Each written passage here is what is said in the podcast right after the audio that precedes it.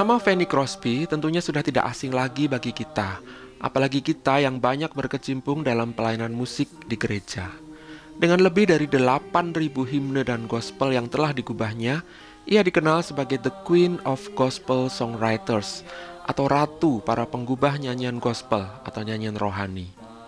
Ia juga mendapat julukan Mother of Modern Congregational Singing in America karena nyanyian-nyanyian ciptaannya banyak digunakan dalam revival atau kebaktian kebangunan rohani yang diadakan di seluruh Amerika oleh Ira David Sankey dan Dwight Lyman Moody menjelang akhir abad ke-19 dan pengaruhnya masih terasa di seluruh dunia hingga saat ini.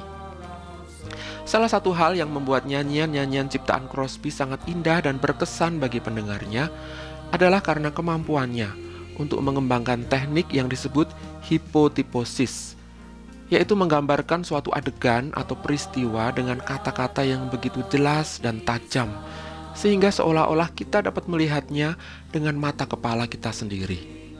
Dan yang lebih mengagumkan dari hal ini adalah kenyataan bahwa Crosby sendiri sebenarnya tidak dapat melihat karena ia mengalami kebutaan sejak enam minggu setelah kelahirannya.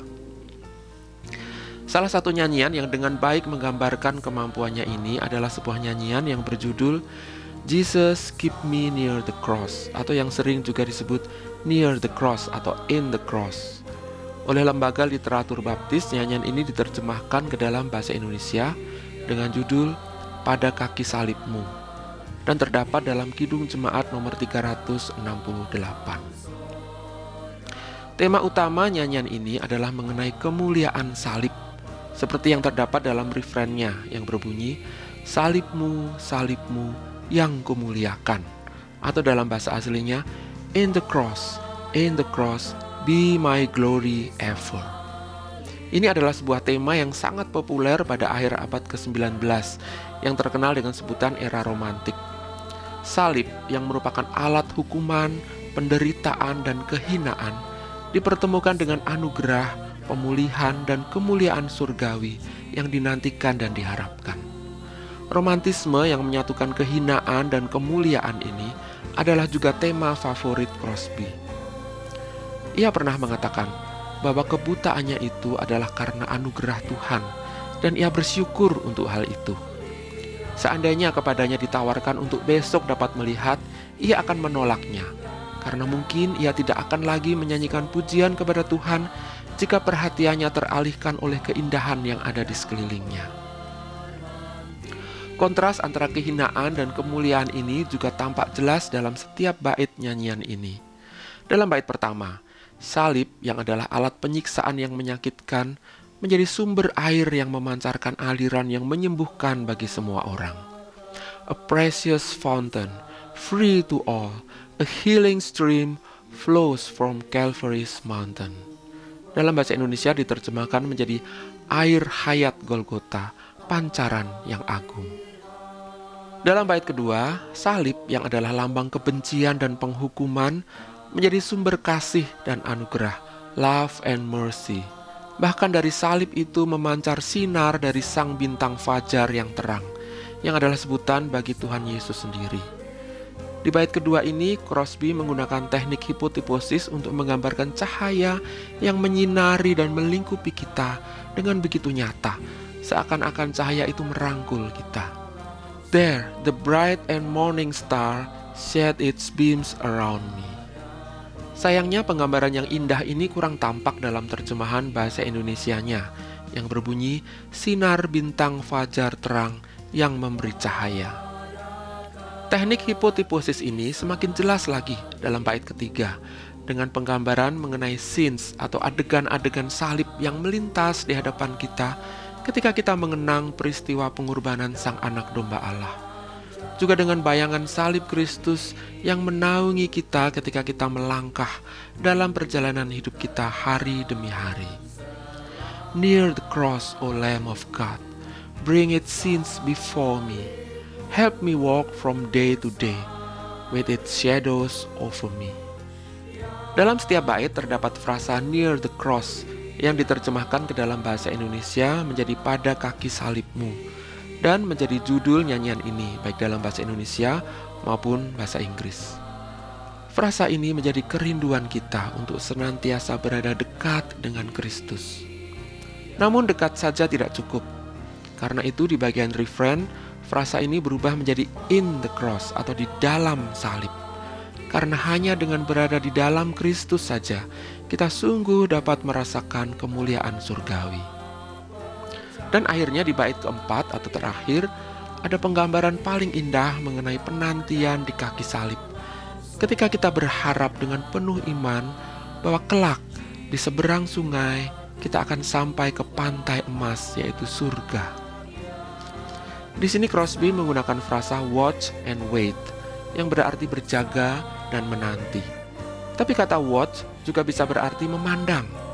Dan maknanya menjadi sangat dalam ketika kita menyadari bahwa Crosby sendiri tidak bisa melihat sehingga kita tahu bahwa Crosby menuliskan bait ini dengan mata imannya. Dikisahkan bahwa Moody pernah bertanya kepada Crosby, jika ada satu permintaannya yang dapat dikabulkan, apakah yang akan ia minta? Moody menduga bahwa Crosby akan minta agar matanya dapat melihat. Namun seperti yang sudah kita ketahui, Crosby tidak meminta hal itu. Ia menjawab, "Jika aku dapat memiliki satu permohonan, aku akan meminta agar tetap buta seumur hidupku. Moody terkejut dan bertanya, mengapa demikian? Crosby menjawab, karena setelah buta selama bertahun-tahun, maka sekarang wajah pertama yang aku ingin lihat adalah wajah Yesus. Kiranya kerinduan Crosby untuk memandang wajah Yesus muka dengan muka itu juga menjadi kerinduan kita semua. Dan sampai saat itu tiba kelak, mari kita tetap berada dekat dengannya di kaki salibnya.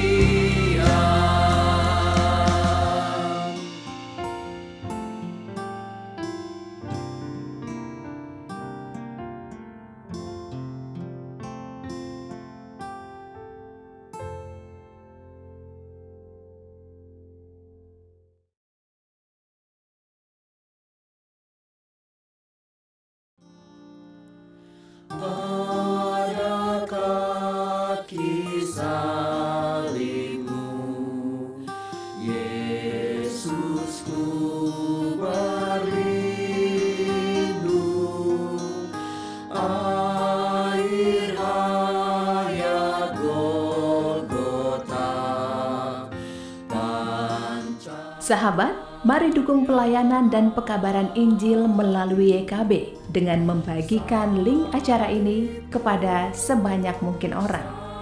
Dukungan juga dapat saudara lakukan dengan mentransfer dukungan finansial ke rekening BCA ke nomor 450 305 2990 450 305 2990 atas nama Yayasan Komunikasi Bersama.